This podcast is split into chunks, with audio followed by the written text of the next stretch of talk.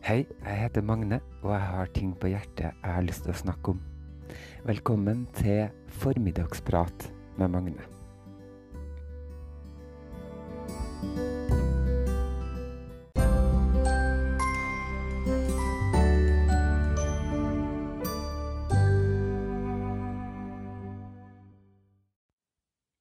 Hva er vel livet? Et pust i sivet som synker ned? Det spørsmålet har stilt meg mange ganger opp igjennom uh, livet. Og jeg har alltid vært litt sånn undrende og nysgjerrig på uh, hva det her livet kan inneholde. Og det har ført meg til uh, å prøve ut mange forskjellige typer måter å leve på. Alt ifra en sukkerfri livsstil med yoga, meditasjon, fermentert mat, fem tibetanske riter osv til flere perioder med røyk og kaffe, fjordlandsmat, øl på brune puber, og til glamorøse fester med paljetter og overfylt sminkepung, blant annet. Og i dag så må jeg si at jeg kanskje plukker litt fra her og der. Ta litt fra livets eh, godtepose, kan man si da. Jeg syns at livet kan være ganske spennende, men av og til også veldig kjedelig. Og det er kanskje derfor at jeg har den tendensen til å havne innom litt av, av hvert. Og um, jeg blir fort um, solgt inn ting til deg hvis at noen har sagt til meg at uh, det her kurset kan gi deg større uh, livsglede, f.eks., eller, eller kan gjøre at du lære deg å kommunisere med det man kaller den andre siden. Det må jo være spennende, tenker jeg. Eller hvis det er et produkt som kan eh, Som inneholder noen spesielle enzymer eller annet, endre strukturen i huden i ansiktet eller Altså, det, ja, det er så mye som, som kan være spennende, da. Endring og, og, og, ting som skjer, det er jo, det er jo så mye ut der, tenker jeg da. Og jeg husker da jeg var yngre, eh, og i, i tenårene mine, da, så elsker jeg postordrekataloger som lov, lova store ting, men ofte kanskje var juggel og, og fanteri. Men, eh, men jeg var lett å, å selge til. Og jeg husker at det var en, spesielt en sånn eh, leverandør som het for Vivei, tror jeg som hadde en uh, utrolig spennende periode med forskjellige kosmetiske ting da, som de solgte. Og, og da var jeg tenåring, og kvisene var begynt å, å komme. Og jeg følte vel at det var stort uh, forbedringspotensial i det her ansiktet mitt, så da bestilte jeg meg bl.a. en tannlakk som skulle gi meg hvitere tenner. Jeg bestilte meg en liten sånn deodorantaktig stift som du skulle bruke under øynene for å stramme opp uh, litt der. For jeg hadde en strek under, øyet som jeg mente måtte være en, en uh, linje som ikke skulle være der. da. Og um, dekkstift blant annet, som du kunne smøre på, på kvisene, så de forsvant. Og det endte opp med Jeg husker at jeg gikk på en fest en, en gang, og plutselig så gikk det opp for meg hvordan jeg kanskje så ut, da. Sånn egentlig. For i hodet mitt så tenkte jeg at kvisene var borte, og tennene var hvite, og jeg var stram under øynene. Men i virkeligheten, når jeg sto sammen med speilet, så så jeg et ansikt med, med rosa flekker rundt omkring oppå de her kvisene. Eh, hudfargen var ganske annerledes enn enn den som ikke var på kvisene. Og med en sånn grålig deodorantstøvlag under øynene. Og med korrekturlakk på tennene som begynte å skalle av. Så du kan tro jeg var nydelig den kvelden. Men det, det er jo litt morsomt òg, da. Tenker jeg. Artig humor, det. Og så har jeg jo også alltid syntes det har vært spennende med selvutvikling, og det har også eh, ført meg inn i New Age-landskap, da. Med eh, veldig sånn spirituelle spirituelt søkende, søkende ting. Og da eh, kan jeg fortelle om Blant annet da når jeg flytta til Trondheim, så var det en helsekostforretning som jeg jevnlig var og besøkte. Og kjøpte meg forskjellige vitaminer jeg tenkte jeg må ta, og forskjellig sånn.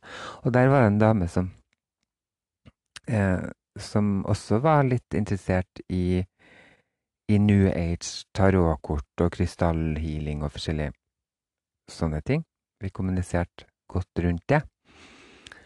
Og jeg husker for hver gang jeg kom i den butikken, så var det kommet et nytt eh, produkt i form av en eller annen New Age-ting. En tibetansk bjelle eller en ny krystall, tarotkort eller noe sånt. Men en dag jeg kom inn i den butikken, så var det hengt opp over hele taket tibetanske bjeller og drømmefangere og you name it. Og det var alle verdens krystaller, ametyst og rosenkvarts og, og, og forskjellig sånn. Overalt. Og, og tarotkort og sånt. Og så eh, skulle hun arrangere en åpen dag i, i det her eh, lokalet. Det var et stort lokale med mange forskjellige rom. Og da var det en dag der det var forskjellige workshops som du kunne melde deg på. da. Det kunne være reikehealing og kanalisering, og du kunne finne dine hjelpere og spirituelle veiledere, alt mulig sånn. Og jeg fant fram skjemaet og kryssa av på alt jeg syntes virka spennende. Og blant annet så var jeg til en dame som hadde en en uh, tromme som hun lada opp i måneskinnet, som hun sto og tromma litt på. Og så gikk hun rundt, med meg, rundt meg da, med en uh, pendel for å finne hjelperne mine. Og da fant hun bl.a. en liten egyptisk gutt som har vært uh, kompis av meg en gang i tidligere liv. Og fant bl.a. en dommer fra 1600-tallet som jeg, jeg har vært i et tidligere liv, da som har vært ganske streng med folk og fordømmende og som nå gjorde at jeg uh, at jeg har et liv der jeg må jobbe med det å bli fordømt og, og kritisert uh, av, av, andre. Da, en slags karma-greie. Jeg hadde også en uh, dame fra Øvre Sinsaker uh, som likte å drikke portvin og spille bridge. Og hun brukte å dytte litt i meg da, hun var litt utålmodig og syntes jeg var litt treg. Uh, ja, så hun var også en, en, av de hjelperne mine. Så tror jeg jeg hadde en papegøye bak meg, bak min venstre skulder. da. Og jeg husker ikke helt hva det var med den papegøyen. Men uh, det var spennende, da. Og så hadde jeg jo meldt meg på alt mulig annet, men jeg husker det var én ting som jeg hadde meldt meg på som, som, der det var fullt, da. Sånn at jeg måtte heller prøve prøve en av de andre tingene, og det var et uh, spiritismekurs, tror jeg de uh, kalte det. Og det syns jeg var utgangspunktet veldig skummelt. Uh, fordi at jeg forbandt det med skrekkfilmer og djevel, djevelske ting. Uh, men ble forklart at det handla ikke om det, da. Det var, det var noe annet. Og da havna jeg i, i kjelleren, da, i en uh, sirkel. Vi satt i en sirkel med en rød uh, lyspære i midten. Og så skulle vi lære oss å, å få kontakt med, med, døde, da. På en veldig koselig og fin måte, så må bare si det, så at ikke folk tror at det her er noe uh, Satans opplegg. For det var det absolutt ikke. Det var veldig veldig hyggelig, og som også gjorde at jeg senere meldte meg inn i, i Trondheims eh, spiritistforening, der vi gjorde forskjellige øvelser for å åpne våre, våre sanser, da. Sjette sans, kanskje. og um, havna også på um, et uh, husrenskurs med et uh, dansk medium der vi annet dro til Britannia hotell og leita etter etter Hva kaller man det? Døde? Sjeler? Mm, satt annet i en seng i en suite der med det det mediumet hvor vi Hvor Märtha Louise og Ari Behn har pleid å, å sove. Og ofte var urolig, da, for det var noe energi i rommet som, som var urolig. Så det har jeg blant annet vært med på, og jeg havna også på et selvutviklingskurs i Nederland. Der jeg gikk i meg sjøl og gråt litt i, i krokene. og um, Jeg husker det var en sånn øvelse som gikk ut på at vi skulle gå opp og ned en trapp, og det gjorde jeg lenge. En dag, husker jeg. Det hadde noe med tilgivelse å gjøre. Og så ble jeg kjent med en dame som solgte slankesjokolade. Sånn mørk sjokolade med omega-3 og alt mulig sånt, som skulle være veldig bra å, å spise en, en, eller to av om dagen. Og skulle, skulle kunne forandre livet ditt til det bedre, da. Og hun tok meg med på en, en sånn uh, damenes kveld en gang, for jeg er sminkør, så jeg skulle bidra med det, da. Og, og sminke noen av de her eh, damene. Og da var det også ei som var invitert dit, og som har vært med på Åndenes makt. Ikke som medium, men noen har vært på besøk til henne for å drive ut det her åndene fra huset hennes, da. Og um, Ja, og hun drev på og hadde noen slags evner der hun kunne strekke kroppen til folk, skjevheter i kroppen og sånn, og fordele fettet sånn at de ble slankere. Og da husker jeg at jeg ble litt sånn OK, det her er litt sånn mm, uh, Ja, blir litt rart for meg. Men samtidig så var det også litt gøy med det her, å være inni inn den Wow! Uh, følelsen, ikke sant? Og livet er så spennende. Og, og det, det, er så mye mystiske ting som, som, kan skje. Og når jeg hører meg sjøl fortelle om alt det her, alle tingene jeg opplever, så høres jeg mye mer spennende ut enn jeg egentlig syns sjøl at, at, jeg er, da. Jeg må jo også si at jeg har hatt perioder som har vært helt sånn motsatt, der jeg ikke trodde på noen ting. Altså. Ja, jeg føler meg som en ganske sammensatt person, kan man si. Men jeg har det også sånn at jeg faktisk eh, Jeg kan snakke med en ateist og bli fullstendig overbevist og, og være veldig enig, og i neste øyeblikk snakke med en prest og, og også ha en uh, veldig god og fin samtale og være veldig enig med han også. Mm, og det vitner vel kanskje om den her sammensattheten min, da. Og jeg er veldig opptatt av at ting ikke er bare sort eller hvitt.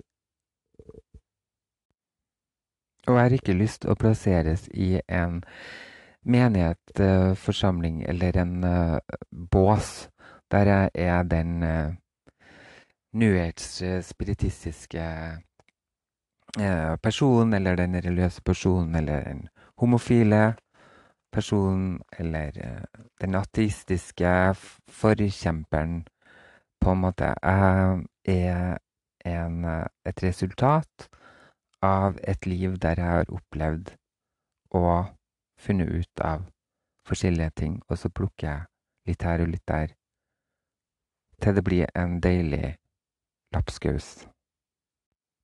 Jeg må jo si at jeg er glad for at jeg er søkende og nysgjerrig og åpen, men at jeg også har en slags brems da, som gjør at jeg av og til at jeg kan stoppe opp og tenke Oi, hva gjør jeg egentlig nå? Eller eh, ønsker jeg det her? Går det an å tenke på en annen måte? Er det, er det sånn det egentlig er? Ikke sant? De tankene der er tror jeg er veldig bra for meg. Samtidig som jeg med liv og lyst går inn for å lære meg å kanalisere.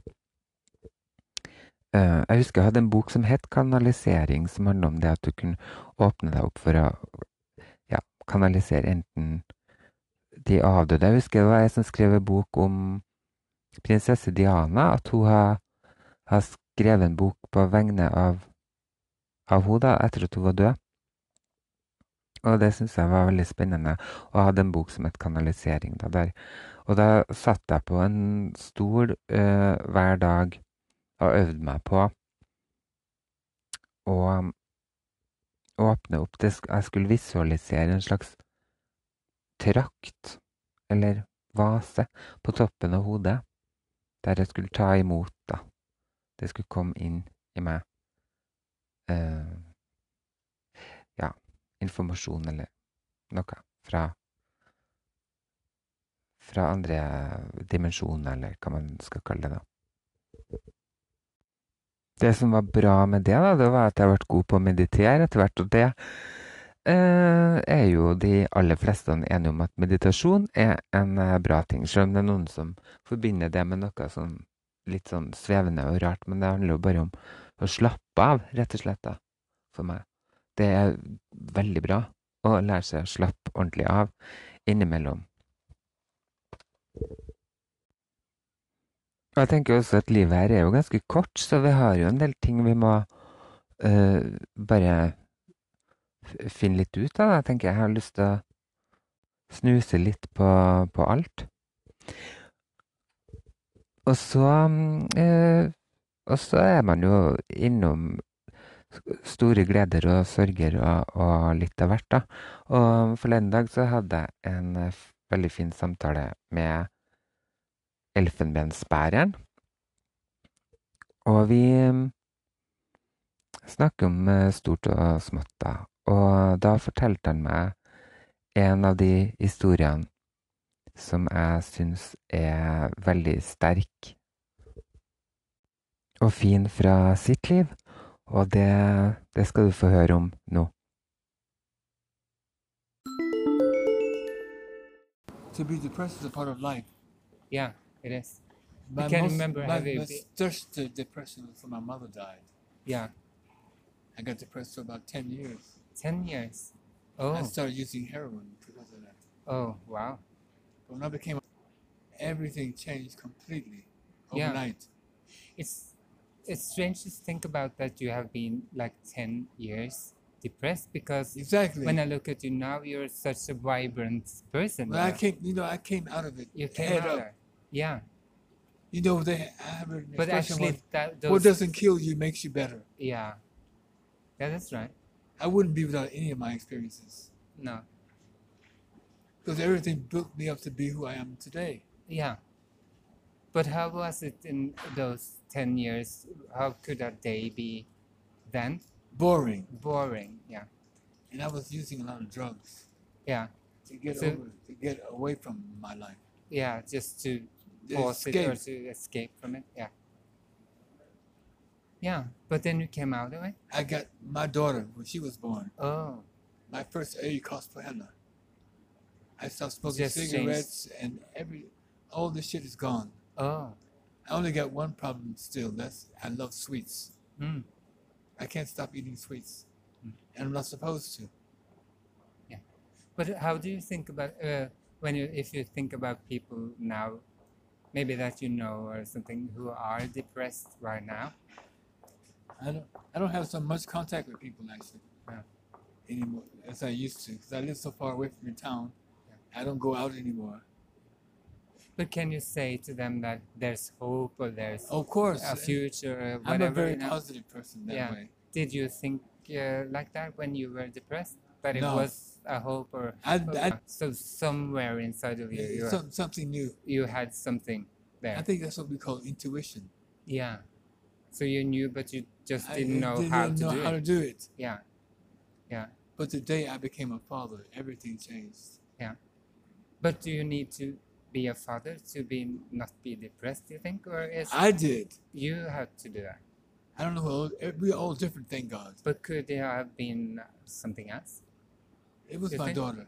Yeah, it was your daughter. Yeah. She gave me a reason to want to live. Mm. You know, it all started when my mother died. Yeah. I got so depressed that I started using heroin Yeah. and went the wrong way. Yeah. But when my daughter was born, I looked at her, she looked at me. I saw my mother Yeah. in her eyes. But you also told me this story about uh, how you quit heroin? because I was doing it and I forgot to lock the door. My little brother came in, Mm. who'd always looked at me as his big, strong brother. Mm. And in his eyes, I saw I went from 10 to nude. Yeah, So it made me stop. that did something. I always say day two. Yeah. If there's a God, God sent him in to save me. Wow, that's quite strong because uh, when I think about people who use heroin, that's one of the most it's uh, hard. yeah hardest thing to get out of, and m- most people get stuck in it. I know. I All did, I their did it for six years. S- Six years. Yeah. Yeah. But when I, when I Oh, looked God in his bless. eyes, God sent him to make me stop. Yeah. Wow. Bless him. Yes, God. exactly. Both of them. yeah. Oh, but it's so nice to look at you now because you're really vibrant and uh, Well, a you know, happy person. you have to go through a lot of shit to understand what happiness is, you know. Mm-hmm. Yeah. But basically, I've always been a happy person. Yeah, but I feel it too because when when I get some gloominess or something, I can think about something else bad.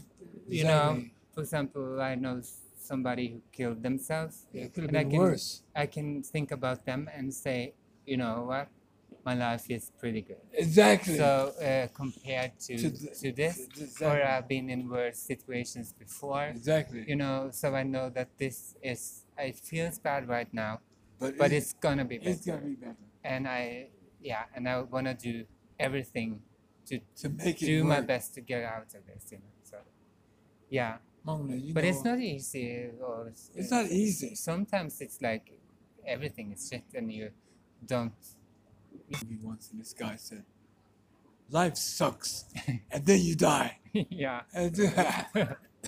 Life's a bitch and then you die. And then i've you- heard that. Yeah, both. yeah.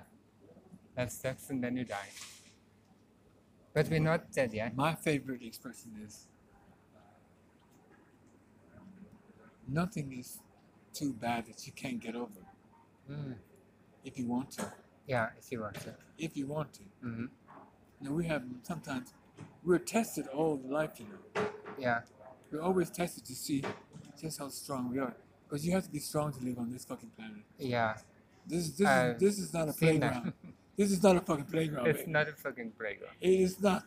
Yeah, So the stronger you are, the more you're capable of bouncing back from bad situations. yeah. And it's so um, ple- pleasant when I get to this point where I have a lot of energy and happiness Exactly. and everything. Exactly. Then it's worth it in a way. It's worth it. Yeah. yeah. Everything is a is a step toward gudomlighet. Since I, Mm-hmm. I think we're all angels, you know. We're all angels. Most a lot of us are, not Mhm. all. Mhm.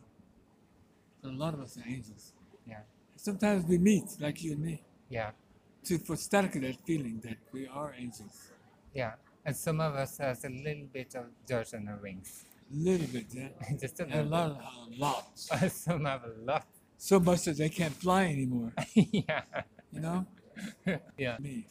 No, I think we have been through probably the worst in our lives. maybe. How were you as a teenager? Um, I was opprørsk. Like most teenagers. Yeah, I put it on Did, makeup. did you like and, yourself?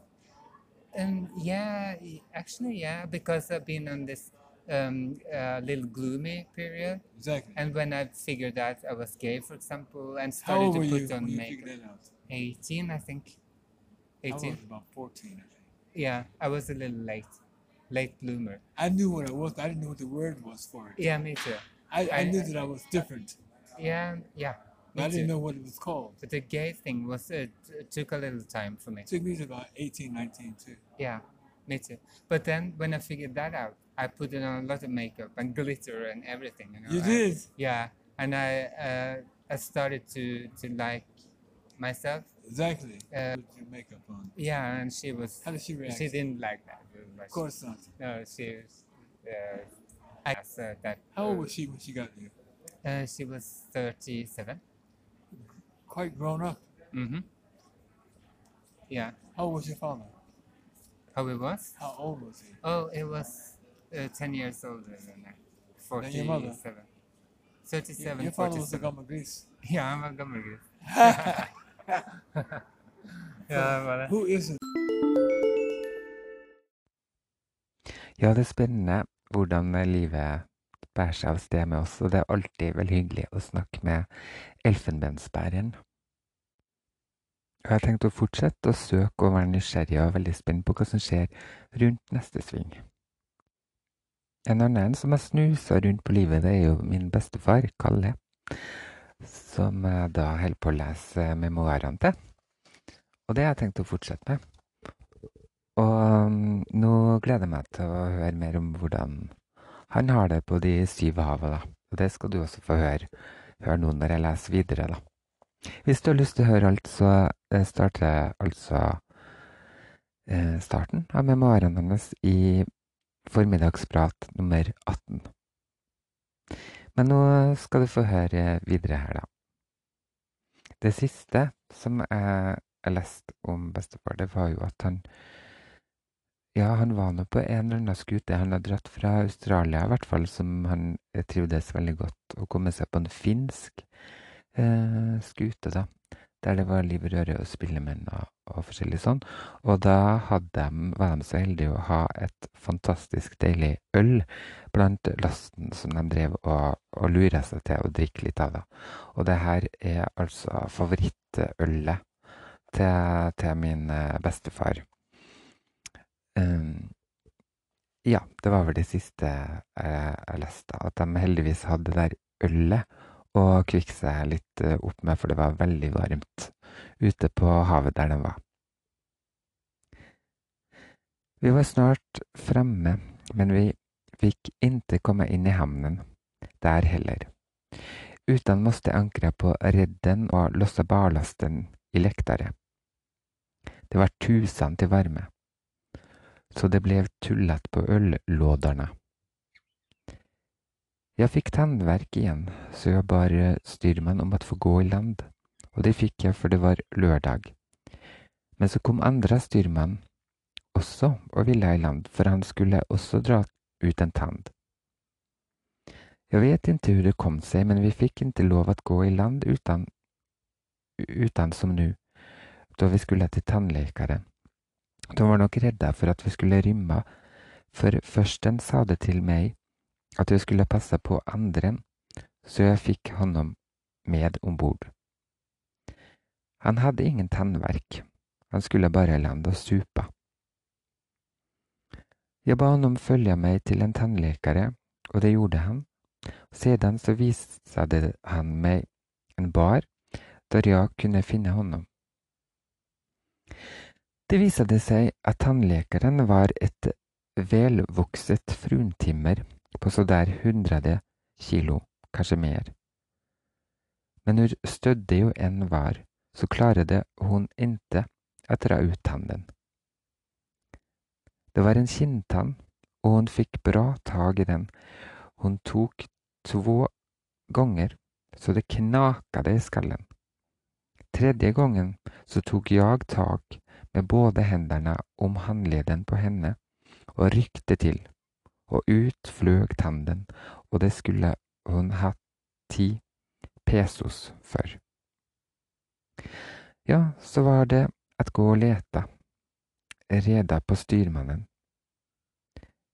Jeg var ikke alls sikker på at finne honom der jeg slepte honom, men konstig nok så fanns han på samme plass ved siden av en halvflaske konjakk som var hans nasjonaldrykk. Han var i beste velgående, og han ville bjuda meg på konjakk. Nei, jeg vil ikke ha konjakk. Det du kan få bjuda på, det er en flaske av det herlige ølet, for jeg ser at det er samme sorts som vi har om bord. Som vi sitter her og har det trevligt, eh, kan vi jo ta en leksjon i engelska. Og det gjorde vi til det hørte på å skumme, Og da var det tid å gå om bord. Det var en havnport og en vaktmann at passere, og siden så var det en ferjemann som redde oss om bord. Der hadde de også festet. De hadde slaget sønder en hel låda Men de hadde gjort ett fel. De hadde slengt lådene i sjøen. På søndagsmorgenen hadde seg segelmakeren kopperslagere, så han gikk ned i rommet framifrå og og aktet ut for at proventere mer øl. Han hadde lagt armen full med halmviskor da styrmannen kommer ned i ekteluka og tar honom på bar gjerning. På mandagsmorgenen så skulle vi losse alle loderne, og da begynte andre Endren undersøke hvor mange tomme låder det var. Det var fire, fire med den som de hyva til sjøen. Og da han til, sier han til meg, du får samle ihop tomflaskene og halmvisker og pakke inn dem i tomlåderne og gjøre dem så bra du kan. Det gikk fint. De fikk følge med de fulle lådene. Hadde det ikke vært for den femte som var borte, så hadde vi klarat oss fint. Nå ble vi uh, luggade på uh, ett pund per mann, men det betalte vi gladeligen. Så var det på en plass uh, der det best behøvdes. Det var altså 500 flasker av verdens beste øl som vi gjort slutt på. Å, du all verden, hva handelsmannen skulle forbannes den finska skuten når de oppdaget hvor det blivit lurad. Nå var vi ferdige med den saken.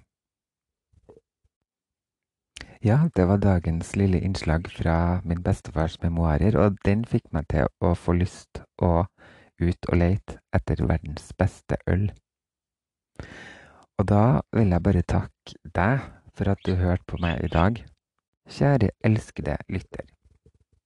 Ha det riktig bra.